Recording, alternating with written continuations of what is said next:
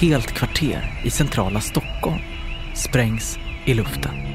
Polisens teori är nu att det var sprängmedel som orsakade den våldsamma explosionen vid Norrlandsgatan i Stockholm tidigt i går morse. Direkt efter bomben så pekar polisens utredning i en tydlig riktning. Eh, när vi kom dit så var Arbro på kontoret. Mot de två ägarna. Och det första jag fick se var en bit pentylstubin. Vi hittade också flera bitar utav sprängdeg. Dubbelakademikerna som de kom att kallas i kvällspressen. Det visade sig att de var ju starkt skuldtyngda. Det var ju stora underskott. Två finare herrar som ägde nattklubbar med kontor på Östermalm. På Riddargatan hade han sett sån här sprängämnesomslag. Alldeles i närheten då hade då restaurangägarna sitt kontor. Det är ett av Sveriges mest spektakulära brott. Det är tolv lådor som är sekretessbelagda. Fortfarande belagt med sekretess. I och med att ingen blev dömd så är det så mot person. Och ingen vet vem som gjort det. Eller varför. Det här är Spår med Anton Berg och Martin Jonsson. Säsong 5. Sprängningen av Fontainebleau. Historien om ett olöst brott. Och lyssnar du via Acast har du tillgång till extra material som filmer, bilder och länkar som berikar den här upplevelsen. Välkommen till den här säsongen av Spår.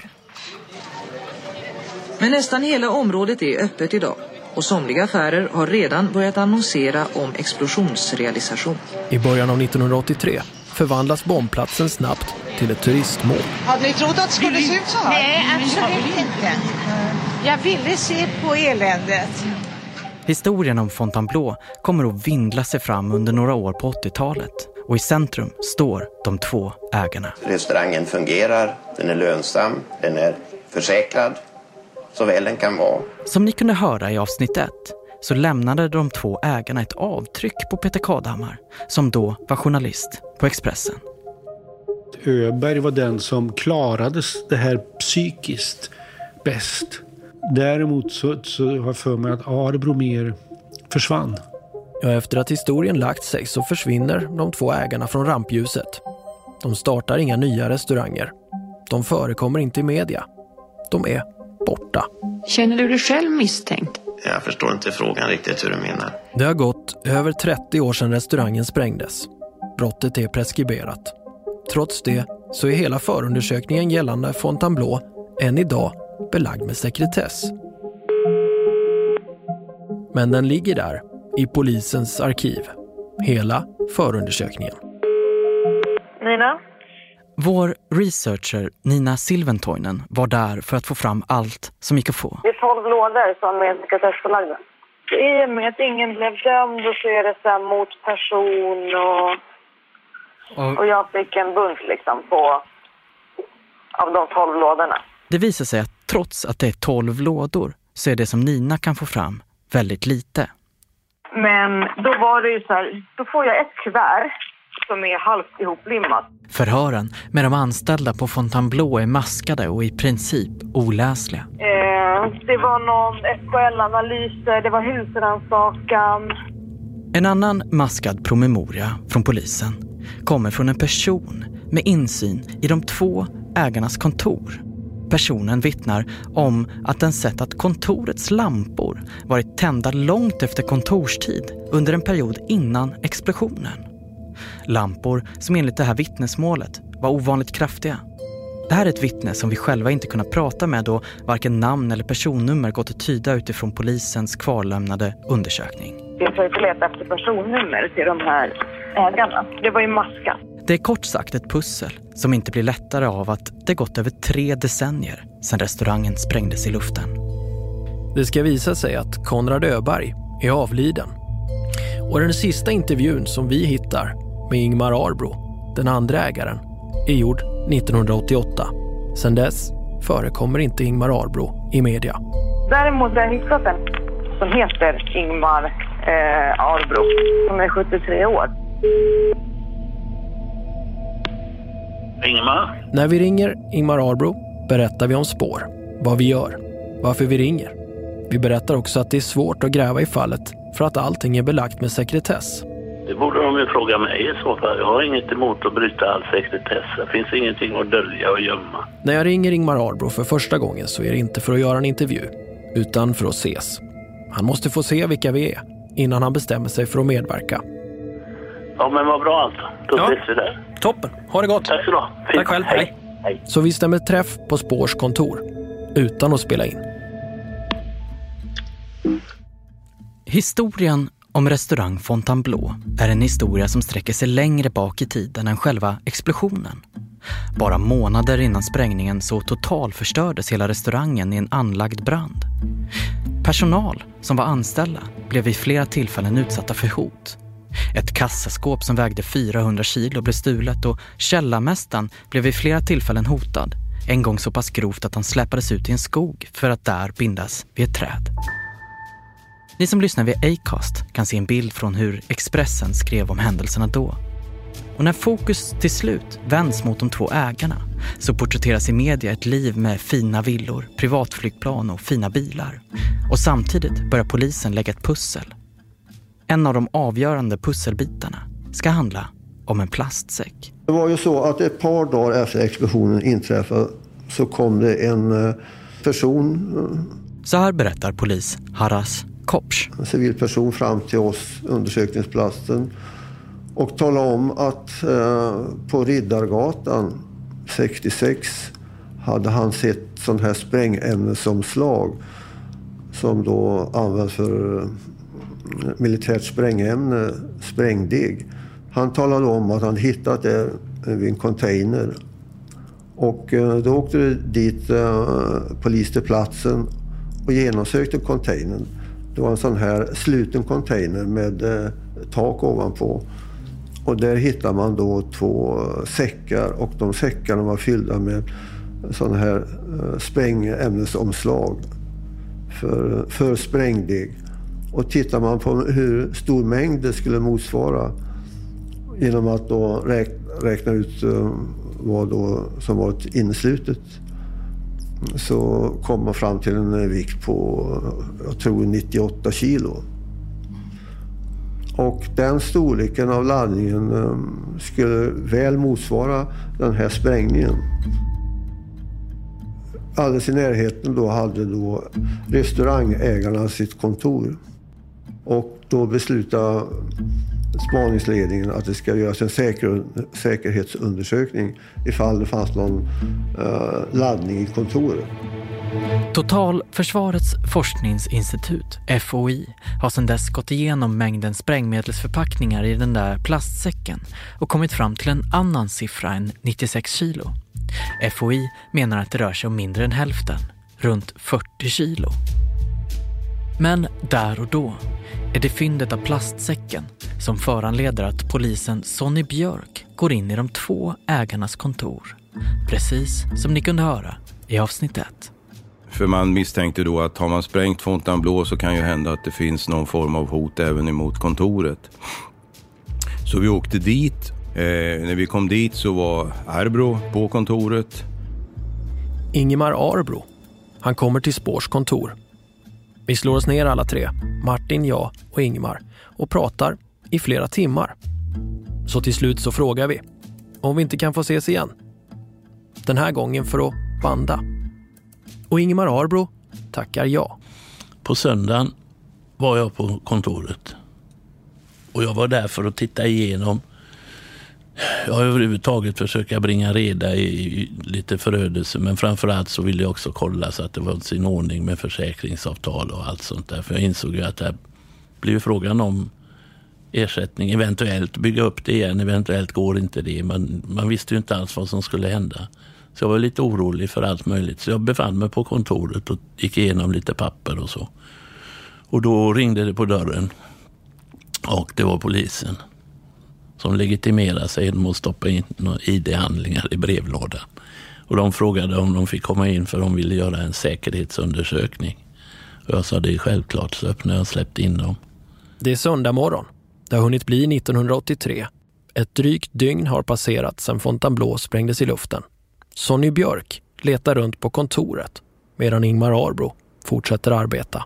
Ja, han Han satt på sitt kontor och pysslade med någonting. Han, han, han får, vad jag vet så satt han där hela tiden. Han visade inget intresse för vår undersökning och så vidare. Utan han satt, satt på sitt rum där. Och, eh... och det där tog väl tid. Jag satt under tiden vid mitt skrivbord och höll på med helt andra saker. Så de gick omkring fritt i kontoret givetvis och gjorde precis det de skulle antar jag. Eh, och eh, vi gick runt och tittade och letade där och eh, jag kom in i ett rum som var tomt och jag tittade runt och det första jag fick se var en bit pentylstubin med eh, gummituta på så att säga yttersta delen av en pentylstubinrulle. Det är ju sprängstubin då som man använde. Det var ju som bruna fläckar och sen den här biten pentylstubin låg precis i en skarv. Så det, det, det, går att missa även om man är försiktig. Vi hittade också flera bitar utav sprängdeg som var intrampad i nålfilsmattan i det här rummet. Så att det var ingen tvekan om att man har, hade hanterat sprängämne där inne. Både sprängdeg och pentylstubin. Och de fynd ni gör, berättar ni för honom om dem? Nej, det gjorde vi inte. Nej, nej, det gjorde vi inte. Att vi hittade eh, sprängdeg och pentylstubin, nej, nej. Ja, jag, ville, jag kunde ju inte hålla på och springa med dem och störa utan de fick ju göra sitt jobb, helt enkelt. Och jag blev ju skärrad när de började prata om undersöka om det var förberett för sprängning så helst. För jag frågade, jag ställde en rak fråga, ska ni inte utrymma byggnaden? Om det är så att ni befarar en sån här sak. Ja, det vill vi vänta med. Vi gör en undersökning här först ungefär, sa de väl. Och så småningom så tog de dit eh, bombhundar, kallades de väl. Trevliga labradorer som sprang omkring och nosade. Bombhundarna reagerade inte alls när de kom in i rummet där. Antingen var det för mycket intryck eller också så trodde de att de var där för att leta narkotika. För de var ju en kombination av, av narkotika och bombhundar. Det gick nog kanske ett par timmar för jag minns att jag ringde hem och sa att jag blev försenad. Eftersom polisen var på plats och så vidare. Jag ringde till min fru. Men eh, vi, vi, vi sökte, vi dokumenterade det här och så vidare. Kontaktade ju utredarna, krimjournen, kriminaljouren och sa att det här är något konstigt. Och nu, efter några timmar, berättar polisen för Ingmar Arbro vad som sker. Vad de har hittat. Och då frågade en polis, om jag minns rätt så frågade en polis mig om jag, han visade mig någon liten sladd och frågade om jag visste vad det var för något. Nej, så det vet jag inte. Ja, det är pentylstubin, sa han och den har vi hittat här i ett av rummen. Ja, så det låter ju väldigt osannolikt. Det förstår jag inte. Ja, hur som helst så ville de att jag skulle åka med till polishuset. Ja, visst, så det är klart jag gör det. Och så gick vi ut från kontoret och stängde. Men polisen hittar mer spår när de är på väg ut. När vi åker därifrån på kvällen när vi har varit där och gjort säkerhetsundersökning. Så på vägen till bilen så ser jag i rännstenen, det är lite blött och sådär, där ligger det sprängdegspapper. Alltså papper som har varit lindat runt sprängdeg. Och det ligger också en vit, ett vitt papper där blött som jag vecklar upp. Och då ser jag att det är en skiss över eh, Norrlandsgatan och där, där Fontainebleau ligger. Och så hade jag min bil utanför och så gick jag mot bilen och så sa de nej du får lämna bilen, du får åka med oss istället. Och då började jag ana lite oråd. Och så blev jag instängd i ett rum där och bara sitta och vänta. Lång tid kommer jag ihåg. Ett ogästvänligt rum med någon brits och någon stol.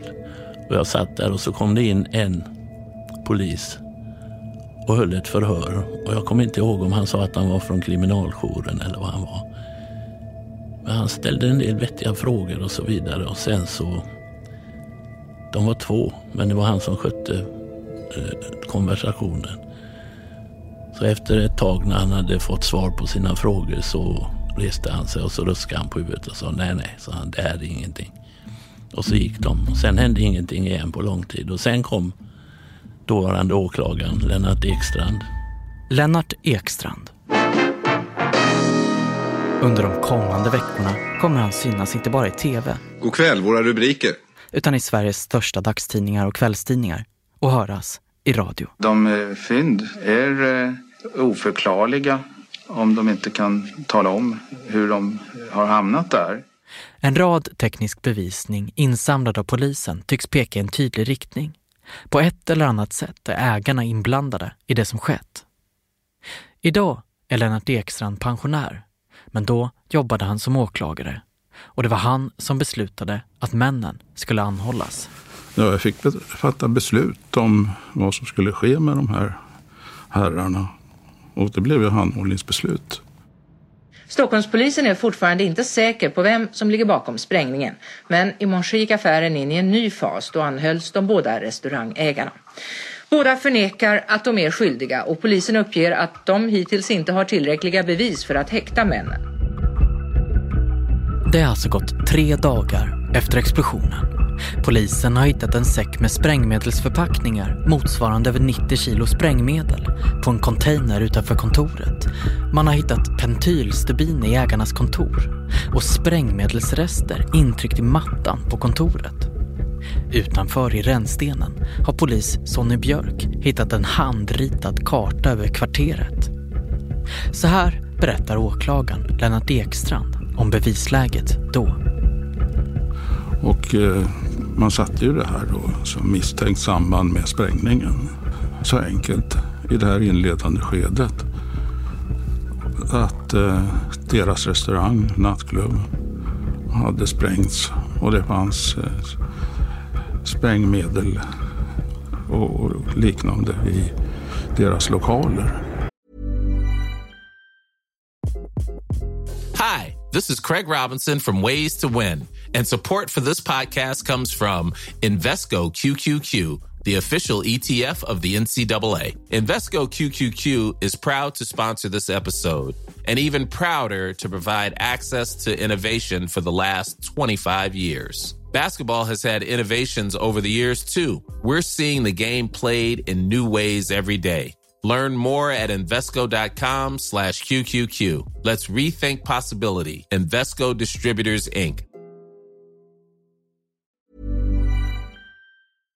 Kontoret.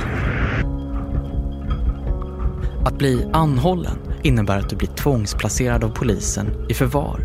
Du har ingen kontakt med omvärlden och du är totalt isolerad. Jag blev alltså anhållen och placerad i en, i en eh, cell någonstans i polishuset. En eh, väldigt osympatisk cell kan man väl säga, otrevlig. Den består av ett väldigt begränsat utrymme med något fönster där man inte kan titta ut. Galler och neddragna persienner och så en brits med galon. Och någon stol var det kanske. Golvfast stol fanns nog också. Och där fick man vara. Och så kom de och lämnade ett papperslakan som man fick ha också. Och där blir man kvar i, om jag minns rätt så var det 13 dygn. Och ljuset lyser om jag minns rätt hela tiden. Under tiden som de två ägarna sitter anhållna så fortsätter Sonny Björk den tekniska undersökningen. Sen blev vi ju kallade dit, kollegan och jag då, på, på en vardag efter själva helgen där. För att göra en riktig undersökning på kontoret. Det ska visa sig finnas fler spår på ägarnas kontor. Sopsäcken där sprängmedelsresterna låg, utanför, på containern, tycks komma från en sopsäcksrulle inne på kontoret. Och den där plastrullen tittade vi på och den hade ju samma utförande. Säckarna i den där plastrullen med sopsäckar hade samma utförande som sopsäckarna, sopsäcken ovanpå containern där som vi hade tagit in. Varje plastsäck får ett mönster i sig vid tillverkningen, ett så kallat extruderingsmönster. Tillverkar man tio plastsäckar och rullar ihop dem i en rulle kan man alltså rent tekniskt se vilka säckar som hänger ihop i samma rulle. Något som för polisen är viktigt. Kan man binda fyndet på containern till fynden på kontoret blir indiciekedjan ännu starkare. Det, det var åtta säckar i rullen eh, och den nionde uppe på containern då, så det fattades en plastsäck emellan där.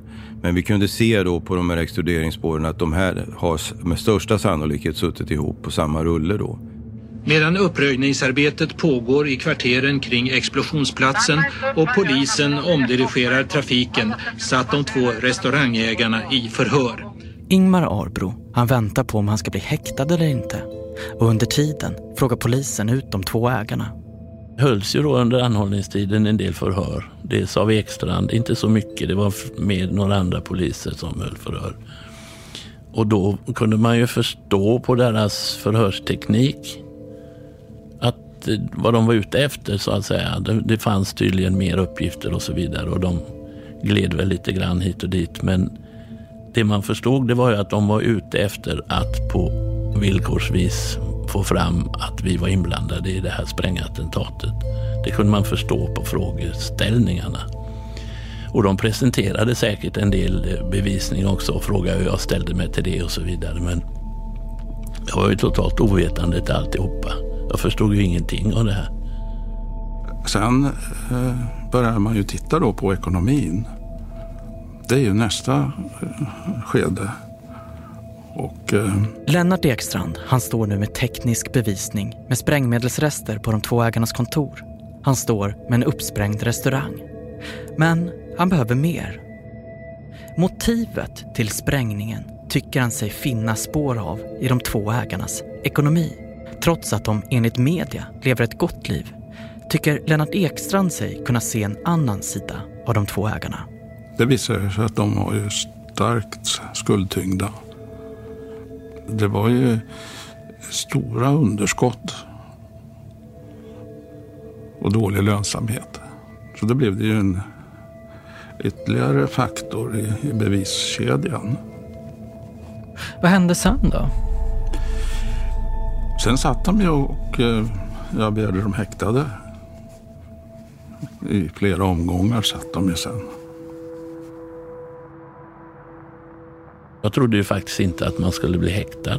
Man tänkte att när de väl kollar fakta här så måste de ju inse att de är helt ute och cyklar, trodde man om polis och åklagare.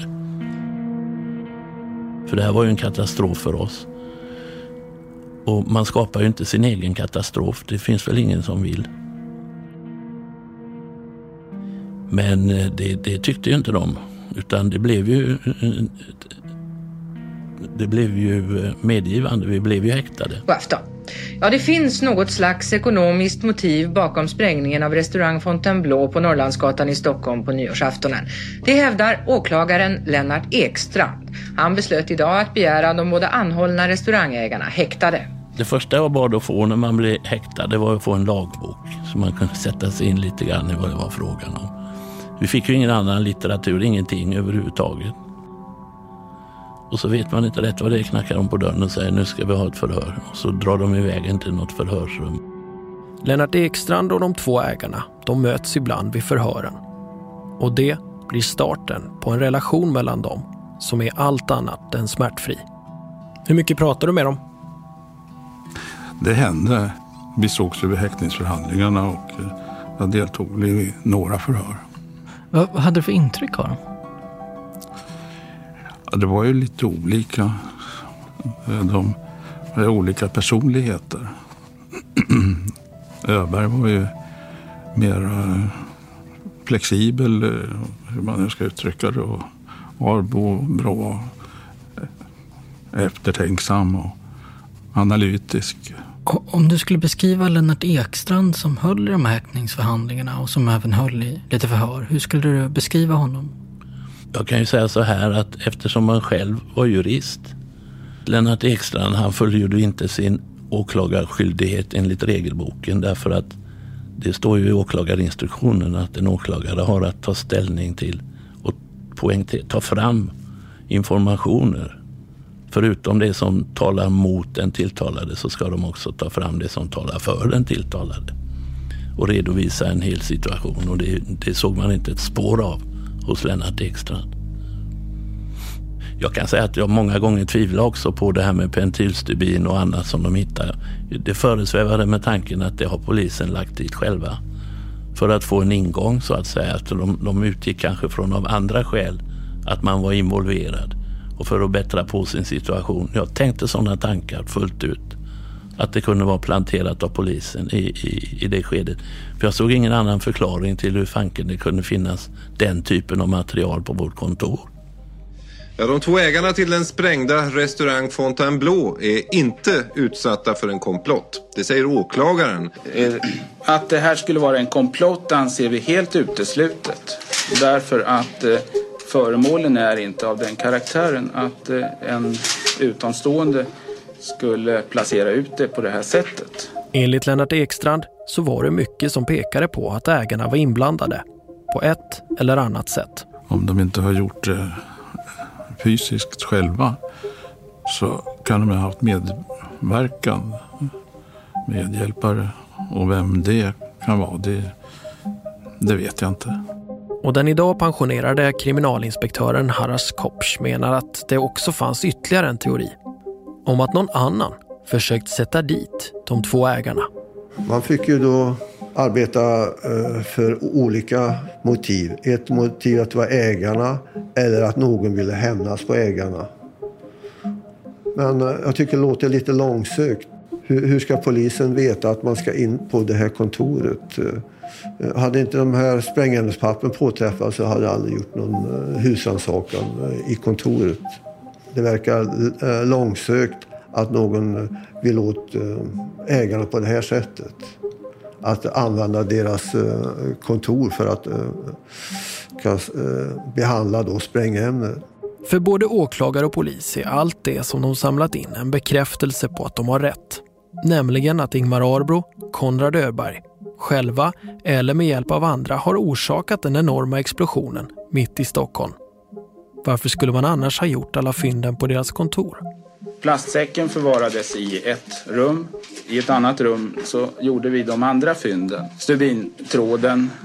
Vi hittade sprängdeg som är ganska, ja, vad som fanns nedtrampat i en matta. Det är bitar av de här förpackningarna.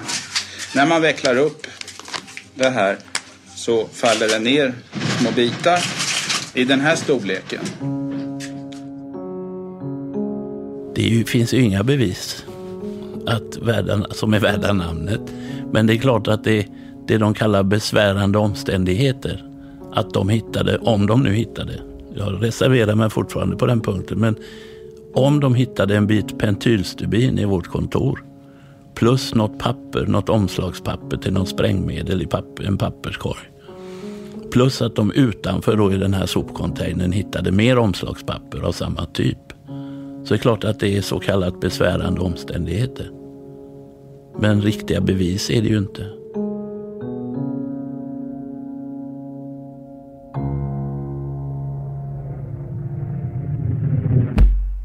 I nästa avsnitt av Spår. Vi har frågat dem om eh, vad det kan finnas för motiv för någon utomstående att eh, orsaka sprängningen.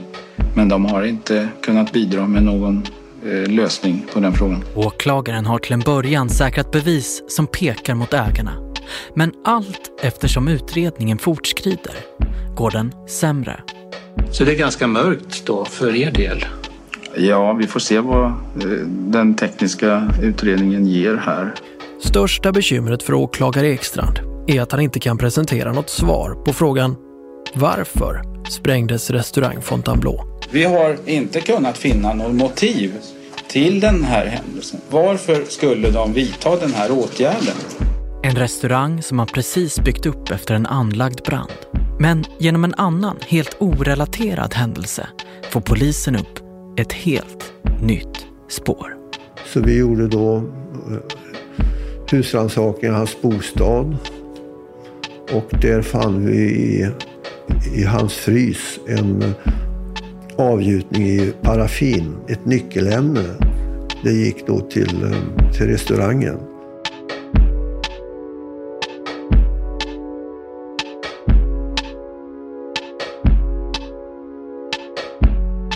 Spår görs av produktionsbolaget A1 Produktion i samarbete med Acast.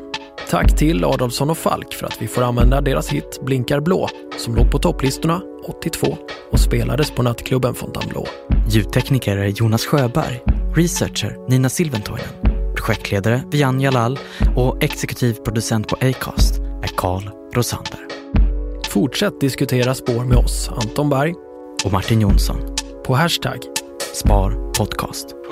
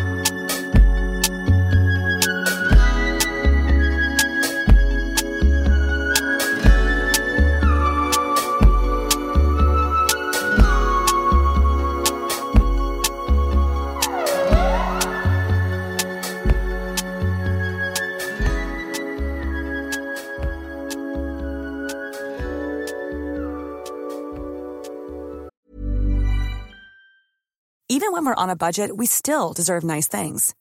Quince is a place to scoop up stunning high-end goods for 50 to 80% less than similar brands. They have buttery soft cashmere sweaters starting at $50, luxurious Italian leather bags, and so much more. Plus, Quince only works with factories that use safe, ethical, and responsible manufacturing. Get the high-end goods you'll love without the high price tag with Quince. Go to quince.com/style for free shipping and 365-day returns.